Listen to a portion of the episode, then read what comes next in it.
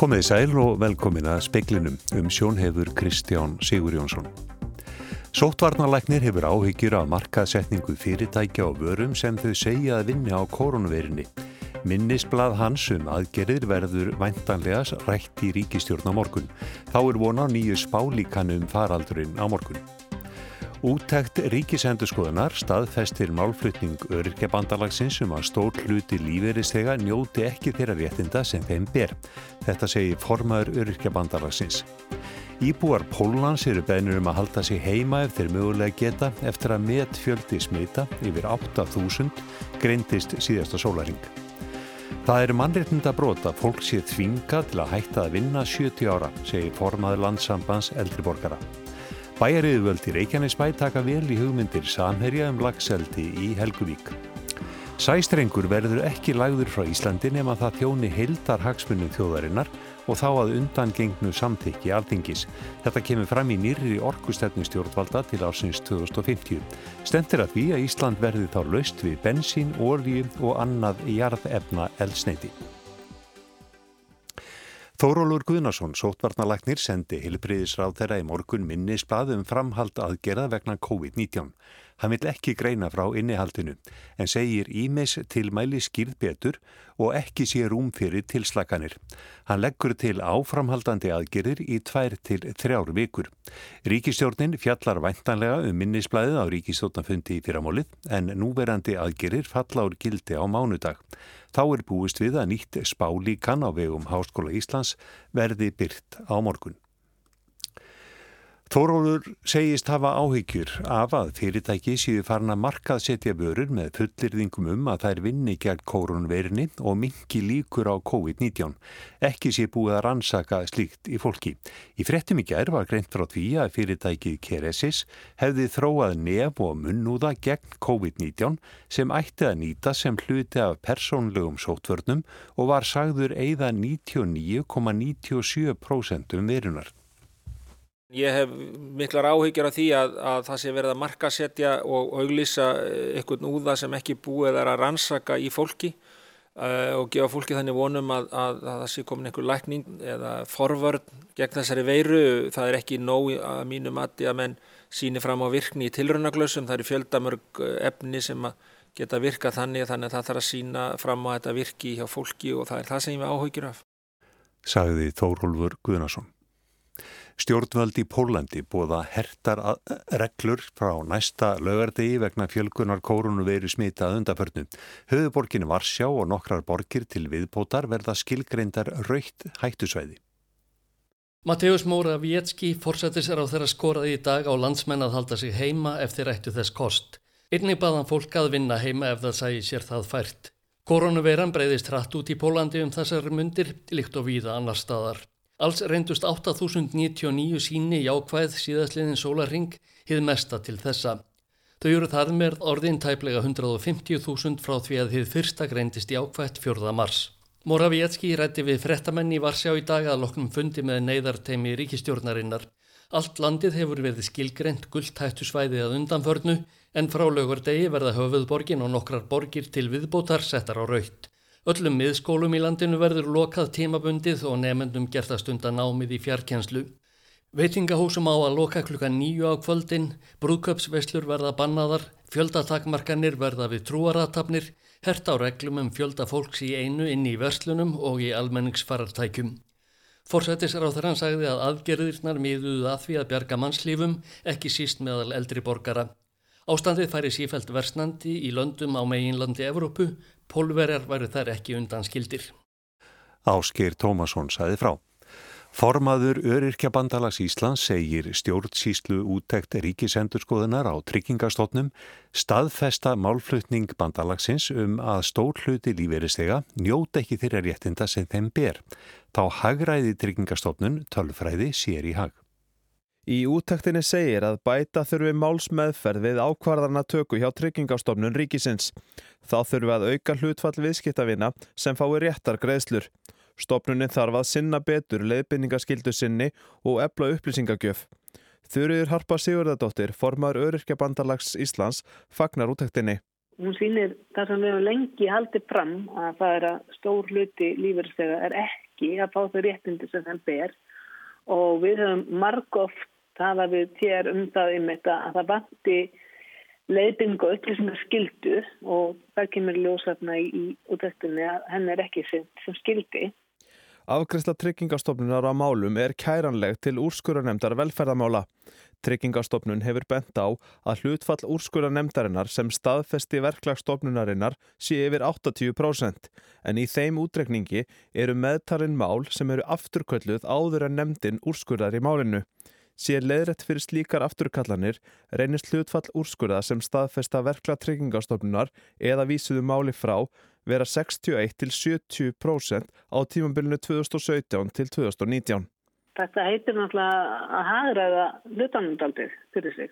En enga síður þá stendur eftir að það er alltaf 40% úrskurða stofnunarinn að þá rangir og það bara er mjög alvarlegt mál þess að þessi hópur sem eru viðskiptavinnir tér á örkulífurstegar þeir hafa oft ekki orkaði burði til þess að sækja rétt sína eða vita hvort rétt er að flestir reyna bara að presta því að það sé að fá rétt úrskurða. Sagði þurriður Harpa Siguradóttir. Bjarni Rúnarsson tók pistilin saman. Samkeppnis eftirlitið hefur óskað eftir umsögnum og upplýsingum um fyrirhugaðan samruna norlenska og kjarnafæðis. Sérstaklega er óskað umsagna um áhrif samrunans á hag bænda og neytenda, samkeppnis aðstæður í slátunum greipa hér á landi og áhrifin á samkeppni milli sláturhúsa og markaði fyrirtækja fyrirtækjana. Þá óskar samkeppnis eftirlitið eftir almennum sjónarmiðum um samkeppnis aðstæður á mörguðum fyrir kjötafurður hér á landi, allt frá ræktun greipa til sölu á full unnum kjötafurðum. Formaður landsambands eldri borgara segir að aldurs fordómar séu miklir hér á landi og að það séu mannreitnda brota fólk sé látið hætta störfum 70 ára. Slík Slíkt sé gróf mismunun vegna kennitölu. Hérastómu Reykjavíkur síknaði Reykjavíkur borgi gær af kröfu fyrirverandi kennara í Breitholtskóla sem gert var að hætta þar sem hún var orðin sjötug. Konan taldi ósangjant að þurfa að hætta þar sem hún var með fullt starfstrekk auk þess sem skólinn var í vandraðu með að manna stöður. Trátt fyrir að ekki hafi verið gengið að kröfum konunar segir niðurstöðu dómsins að eftir standi að ákvarða hvort ákvaðið um starfslokk gangi lengra en nöðsynlegt er. Þórun Sveinbjörnsdóttir, formadur landsambands eldriborgara, segir að tólkun félagsins sé svo að dómari tæki undir það að ákvaðið gangi í raun of langt. Hún ítrekkar að heilin hætti ekki að virka við tiltekin afmælistak og það eigi að vera valkostur að vinna lengur ef heilsa og vilji er til þess þá skjóti það skökku við að í þeim tilfellum þar sem fólk hver undan þáu til að vinna lengur þá þýðir það að borgað sé tímakaup og almenn réttindi falli niður samhliða því. Aldursfordómar séu ríkir í samfélaginu og brjótist út á margan hátt, til dæmis þennan. Andri Irkil Valsson sagði frá. Bæjarstjórin í Reykjanesbæ segir bæjarið völdtaka jákvætt í hugmyndir samherja um lagseldi á svæði Norðuráls í Helguvík að uppfylltum ákveðnum skilurum. Samherji fiskeldi og Norðurál hafa undirrita viljefylýsingu í tengslu við að Samherji kaupi eignir Norðuráls í Helguvík en útséður með að þar rísi álver. Breytingar sem þarf að gera á deiluskipilagi og fleiri aðdrum heyra undir bæði Reykjanesbæ og Suðunesebæ. Bæjar áður Reykjanesbæjar rætti máli á fundu sínum í morgun. Okkar fyrstu viðbröð eru jákvæð þar að segja við, við hérna, fögnum og tökum vel í allar hugmyndur um atvinnuuppbyggingu í Helguvík og náttúrulega víðar ef að svo er hérna um að ræða því að við þurfum að fjölga störfum á Suðunisum og í Reykjanesbæ og ekki síst fjölga eða auka fjölbreytni starfa hér á þessu svæði. Þannig að við tökum þessu bara mjög vel segir Kjartamár Kjartansson bæjastjóri. Bæjar á bókaða hugmyndur um atvinnu uppbyggingu þurfi að uppfylla að minnsthásti tvö af eftirfærandi atriðum að vel launu störf skapist og að þau séu ekki mengandi og þá skapi þau tekjur af skipaðum fyrir um Helguvíkurhöfn. Samhýri vinni nú að físileika könnun og fól bæjar og bæjar stjóra að gera slikt til sama með tilliti til fyrirgrendra atriða. Ræða þurfi Kategó sem landeganda fyrir höndur ríkisins og Suðunesibæ sem fari með skipulagsvaldið. Einni þurfa að kanna gildi ímissa samninga sem gerðir voru í tengslu við fyrirhugað álver. Einni tilur bæjar á mikilvægtan á samkominlega yfir Norðurál um uppgjör vegna kostnæðar sem lagt var í vegna Helguvíkurhafnar og álvers svæðisins. Við tökum mjög jákvæmt í þetta og þetta þarf bara alltaf að vera skýrt og hreinu og uh, það er hérna, bara mikill velvilji fyrir öllum störfum og aukinni fjölbreytni störfum bæði Helguvík og annar staðar hér, já. Sagði Kjartan Már Kjartansson, Haugur Holm tók saman.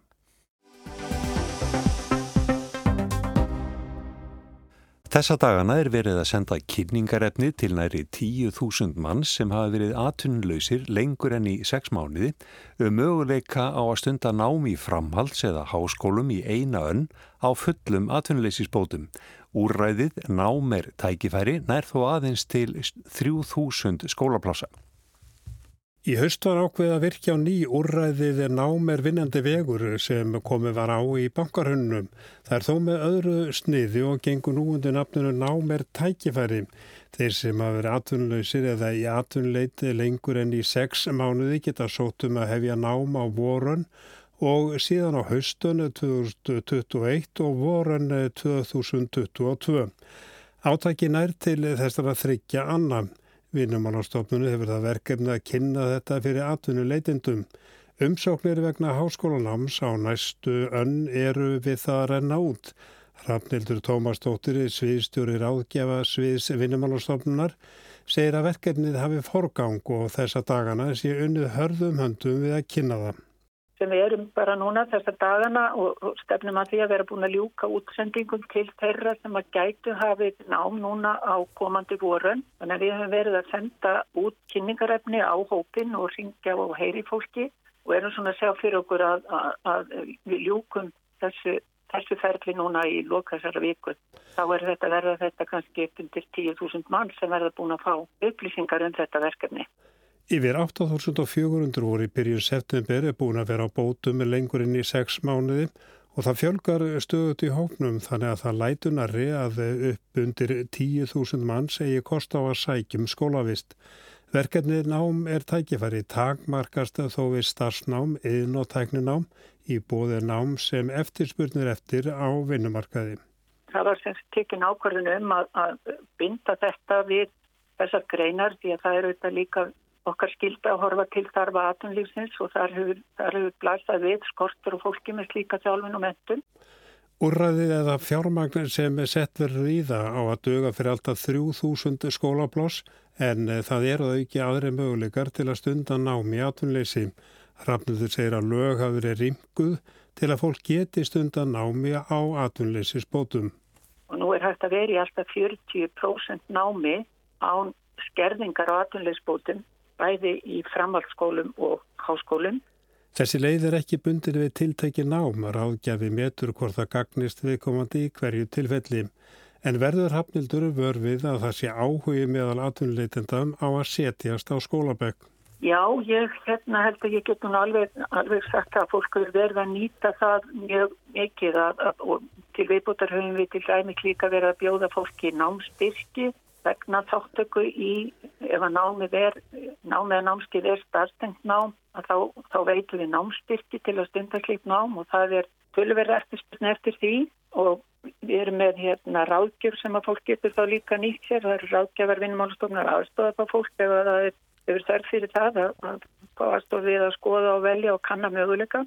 En það er tölverð eftirspiln eftir því að fá að vera í námið sjáum við Við veitum ekki alveg hvernig viðbröðum verða við þessu námið tækifærin. Allavega er, er það svona tilfinningur ágjöf okkar sem hafa verið að ringi fólk að það sé tölverður áhugir. Þannig að, að hérna, vonandi lítir fólk á þetta svona sem tækifæri til að nýta tíman á meðan að þetta ástand varir og fari í nám og, og þannig kannski styrkja stöðu sín og auka möguleika sín á, á vinnumarkaðin.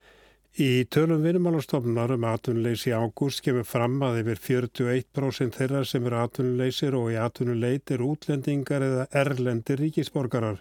Rafnildur segir að námstilbóð sem hendar þeim séu því miður ekki fjölbreytt verið sé að skoða hvernig best er að haga tilbóðum til þeirra. Það er auðvitað ótrúlega hátt sýtvall erlendra atvinnuleitnanda á atvinnuleysinská eins og tölunar okkar sína. En hvers vegna höfðar þið ekki til þeirra? Það er bara skortur á tilbóðum, námstilbóðum til þeirra sem ekki geta nýtt sér nám á íslensku. Þannig að við höfum verið að leita ekki því til framhalsfræðlunar um að, að koma með tilbóð til þessa hóps. Við höfum auðvitað verið að bjóða þeim og það er auðvitað eitthvað sem er alltaf í bóði til þessu hóps er íslensku nám en við höfum viljað svona, höfum viljað geta bóðið þeim líka fjölbreyttar tækifæri og, og þannig að mögulega þeir getur verið að nýta, nýta sér reynslu, fengið, hérna farið gegnum raunfarni mat, nýta á reynslu sem þeir hafa öllast hér á vinnmarkaði til þá að bæta við því þekkingu. Þannig að við erum svona að vinna að þessu með, með fræslu aðilum, hvort við getum, getum ekki hérna þróað ykkur nám sem að þeir gætu að haft gagnað og, og nýtt þennan tíma til að styrkja stöðu sína og það er svo sem er við að, að skoða ymsa möguleika í því. Nám er tækifæri miðast við að þáttakendur geti stundan nám í eina önn á óskertum atvinnleysinsbótum. Eftir það geta þeir sótt um lán hjá mentarsjóði, námi á framhaldsskólastígi er til dæmis lánsæft. Þeir sem uppfylla skilirinn geta haft samband við vinnumálastofnun. Já, og við eitt sendum í þessum skilabúðum okkar sem að fara út vegna námið tækifæri, sendum við um eitt nettvang sem fólk getur sendt á, eða hefur spurningar eða þarf frekar aðstóðið eða ráðgjöf en svo eru þetta hægt bara að óska eftir viðtali hjá ráðgjöfum vinnumálastofnunar þó að það sé ekki bundi við að fara í námið tækifæri heldur að það er bara eitthvað annar sem að ráðgjöfur okkar geta liðsinn með. Saði Rafneldur Tómastóttir, Arnar Páll Haugsson talaði við hana.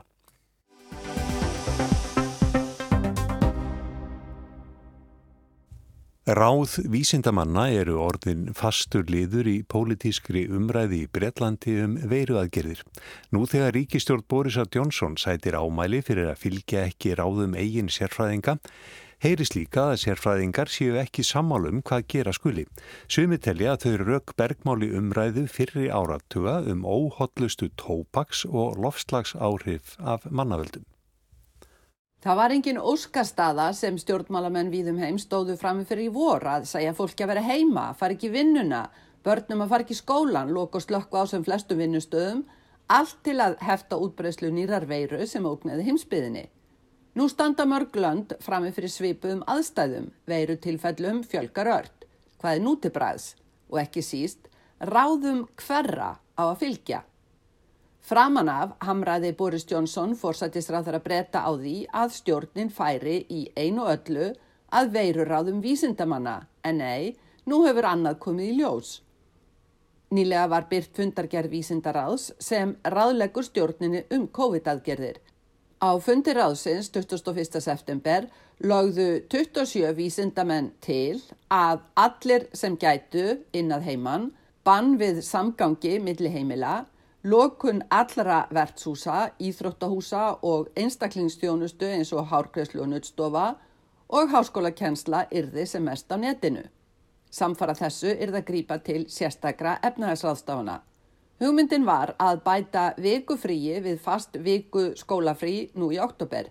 Vísindamennirnir nýttu á að engin ein ráðstöfun degði þar af þessi fimm ráð.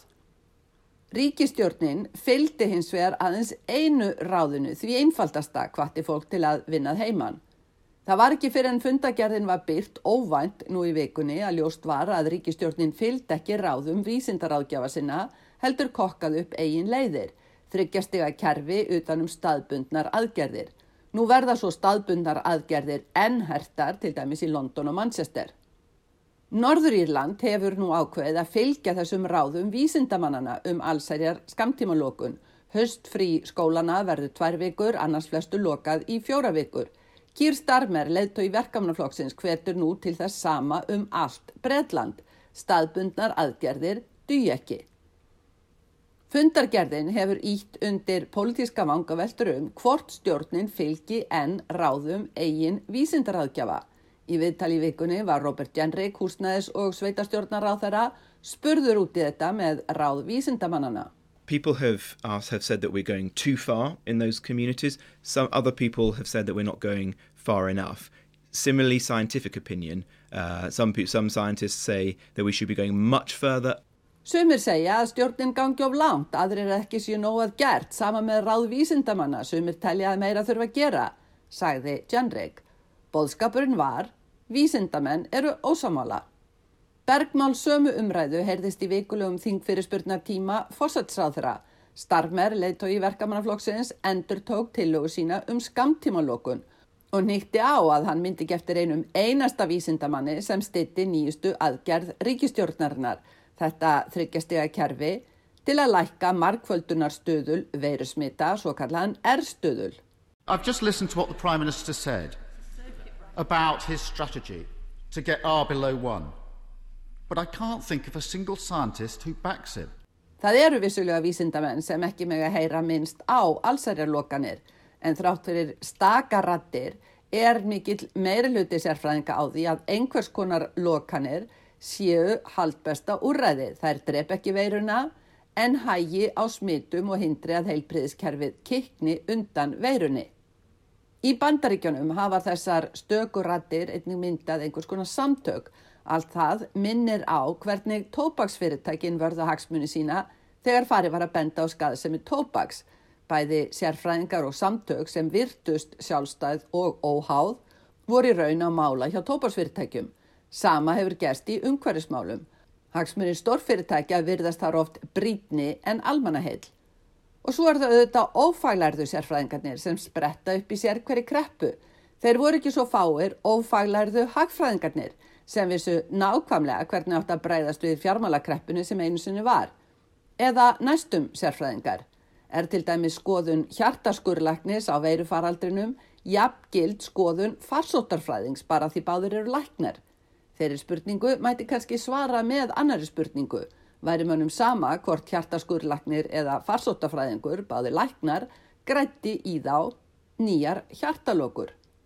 Í líðræðisjóðfélagi mega sem betur fer allir viðra skoðanir sínar að vild en þegar að kemur að aðgerðum sem varða líf og dauða má raukstiði að skoðanir þeirra sem í raun hafa vita á hlutunum vegi þingra en hinna sem vita minna.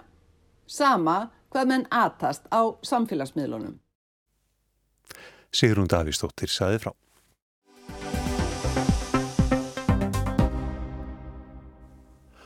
Orkustefna stjórnvalda til ársins 2050 var kynnt í byrjun mánaðarins en hún byggir á vinnu þver pólitísks starfsóps um orkustefnuna sem settur var á lakirnar árið 2018. Í hóknum voru fulltrúar allra stjórnmálaflokka sem sæti eiga á alþingi auk fulltrúa fjögur að ráðunita. Guðrún Ardbjörg Sævarsdóttir, verkfræðingur og dósent við Háskólan í Reykjavík var formaður hópsins. Hún fór yfir helstu niðurstöður á orsfundi orkustofnunar sem haldin var í dag. Speillin rætti við Guðrúnu fyrir í dag. Við dróðum fram fimm megin þemu sem eru orku öryggi, orku skipti, orku sparnar, samfélag og efnahagur og svo umhverjusmálinn og við byrjum eiginlega á því að móta framtíða sín. Það sem aðal tótin er sá að Ísland sé land þeirnar orku, þar sem öll orkuframleysla er að vendur nýjanlegum uppuna og orkar sem nýtt með sjálfbarum hættis, samfélagi og almenningi til hagspota. Það hefur kannski vakið mesta aðtegli eftir að þetta var kynntatni uppafi mánaðarins að Já, því stefnið að því að Ísland verði laust við jarðefna elsneiti árið 2050, ekkert bensín, ekkert dísel. Já. Er Já, það raunhæft markmið? Við höfum náttúrulega töluverðar orku öðlindir endur nýjanlegar í landinu. Þannig að þegar tæknilegu lausnirnar eru fyrir hendi að nota raforku eða þá lífælsniti til þess að keira samgöngurnar áfram, flutningana, skipin, flýið þá ætti þetta að vera hægt. Það er ekkit mjög langt síðan að það þótti vera svona vísinda skáltsöguleg hugmynd að keirum á ramagni. Það gerst á ótrúlega stundum tíma að stendur ramaspýtt við annarkvært hús. Í ykkar vinnu þá er ekki fjallaðum stóriðju. Orka og stóriðja, þetta er mjög samtfinnað og stóriðjan hlýtur að kalla á þá spurningu hver orkuð þörfin verður í framtíðinni. Hvernig leistu þið það mál? Okkur var falið að móta orkustefnu fyrir Ísland, ekki atvinnustefnu. Þannig að okkar hlutverk var að móta ramma um orkumálinn. Þannig að ef að þörf er á að virkja meira ákvæða fórsettum það er þá gert. Að við horfum þá til þess að tryggja þátt að sjálfbara þráunar, samfélagsins, efnagsins og, og umhverfisins að þessi jafnvægi þar á milli og mikið samráðu ákvæðanatöku og allt það. En hversu mikil orkuþörfin er, fer eftir, eftir spurninni og orku stefna stiður við skinsamlega atvinnustefnu stjórnvalda. Stefnar hún er sköpuð til langs tíma þannig að við viljum ekki setja einhverja skorður inn í stefna sem verða kannski úreltar eftir 3-4 ár. Nú er Bjarni Bjarnarsson fórstjóri orkuveitunar, hann hefur, já viðrað þá skoðun að orku þörfin sé kannski ekki eins mikil og talið hefur verið að undanförnu. Það er jæfnvel líkur á því að hluti á stóriðinu hverfi og landi. Hefur þú eitthvað skoðun á því með hvaða hætti orku þörfin verður á næstu árum? Það er náttúrulega ákveðna blíkur og lofti núna. Það eru lág orku verð bæði austanhás og vestan og menn hafa haft ákveða væntingar á Íslandum það hvaða orku verð sé hægt að fá og það var mótu stefna fyrir kannski áratug og fram til að sínum það hvaða orku verð ætti að vera en svo hafa bara breyst hlutir í löndunum í kringum okkur og það eru erfið tíma náttúrulega fyrir stóriðina þannig að kannski geta þeirra til þess að borga haft orkuverð er kannski takmörguð og svo sérstaklega núna í COVID-inu þá náttúrulega eru hlutinir ennþá trengri en þessi hlutir breytast. Og þegar maður horfir á það hversu mikið markaðurinn hefur breyst á síðustu tíu árum þá ætlum ég ekki að spá fyrir um það hvernig verður eftir tíu ár. Og það er klárlega þannig að ef að við förum í orkuskipti fyrir bæði vegasangungur, skipaflotan og í talningum ef að flýðið kemundi líka þá þarf tölum við orku fyrir það. Þótt að sé kannski ekki mikið sem þarf til þess að rafvæða bílaflotan en samt sem áður sapnast þegar saman kemur og ef við færum líka út í elsniti orkubera, borðið vettni eða metanól sem er framleitt með ramagni þá þarf töluvert meira ramagn til þess heldur til þess að gera það með ramaspílum með raflögum af því það er bara minna nýtintækni þannig að þá þarf meira orku til að koma sem er veðlind. Þið fjallið þetta líka um orku öryggi að almenningur sé örugur um orkuna. Nú munar menn eftir veturinnum í fyrra aðvendunni þegar að stór hluti Norðurlands varð orkulus. Hvernig ætlaði að breyðast við þessu?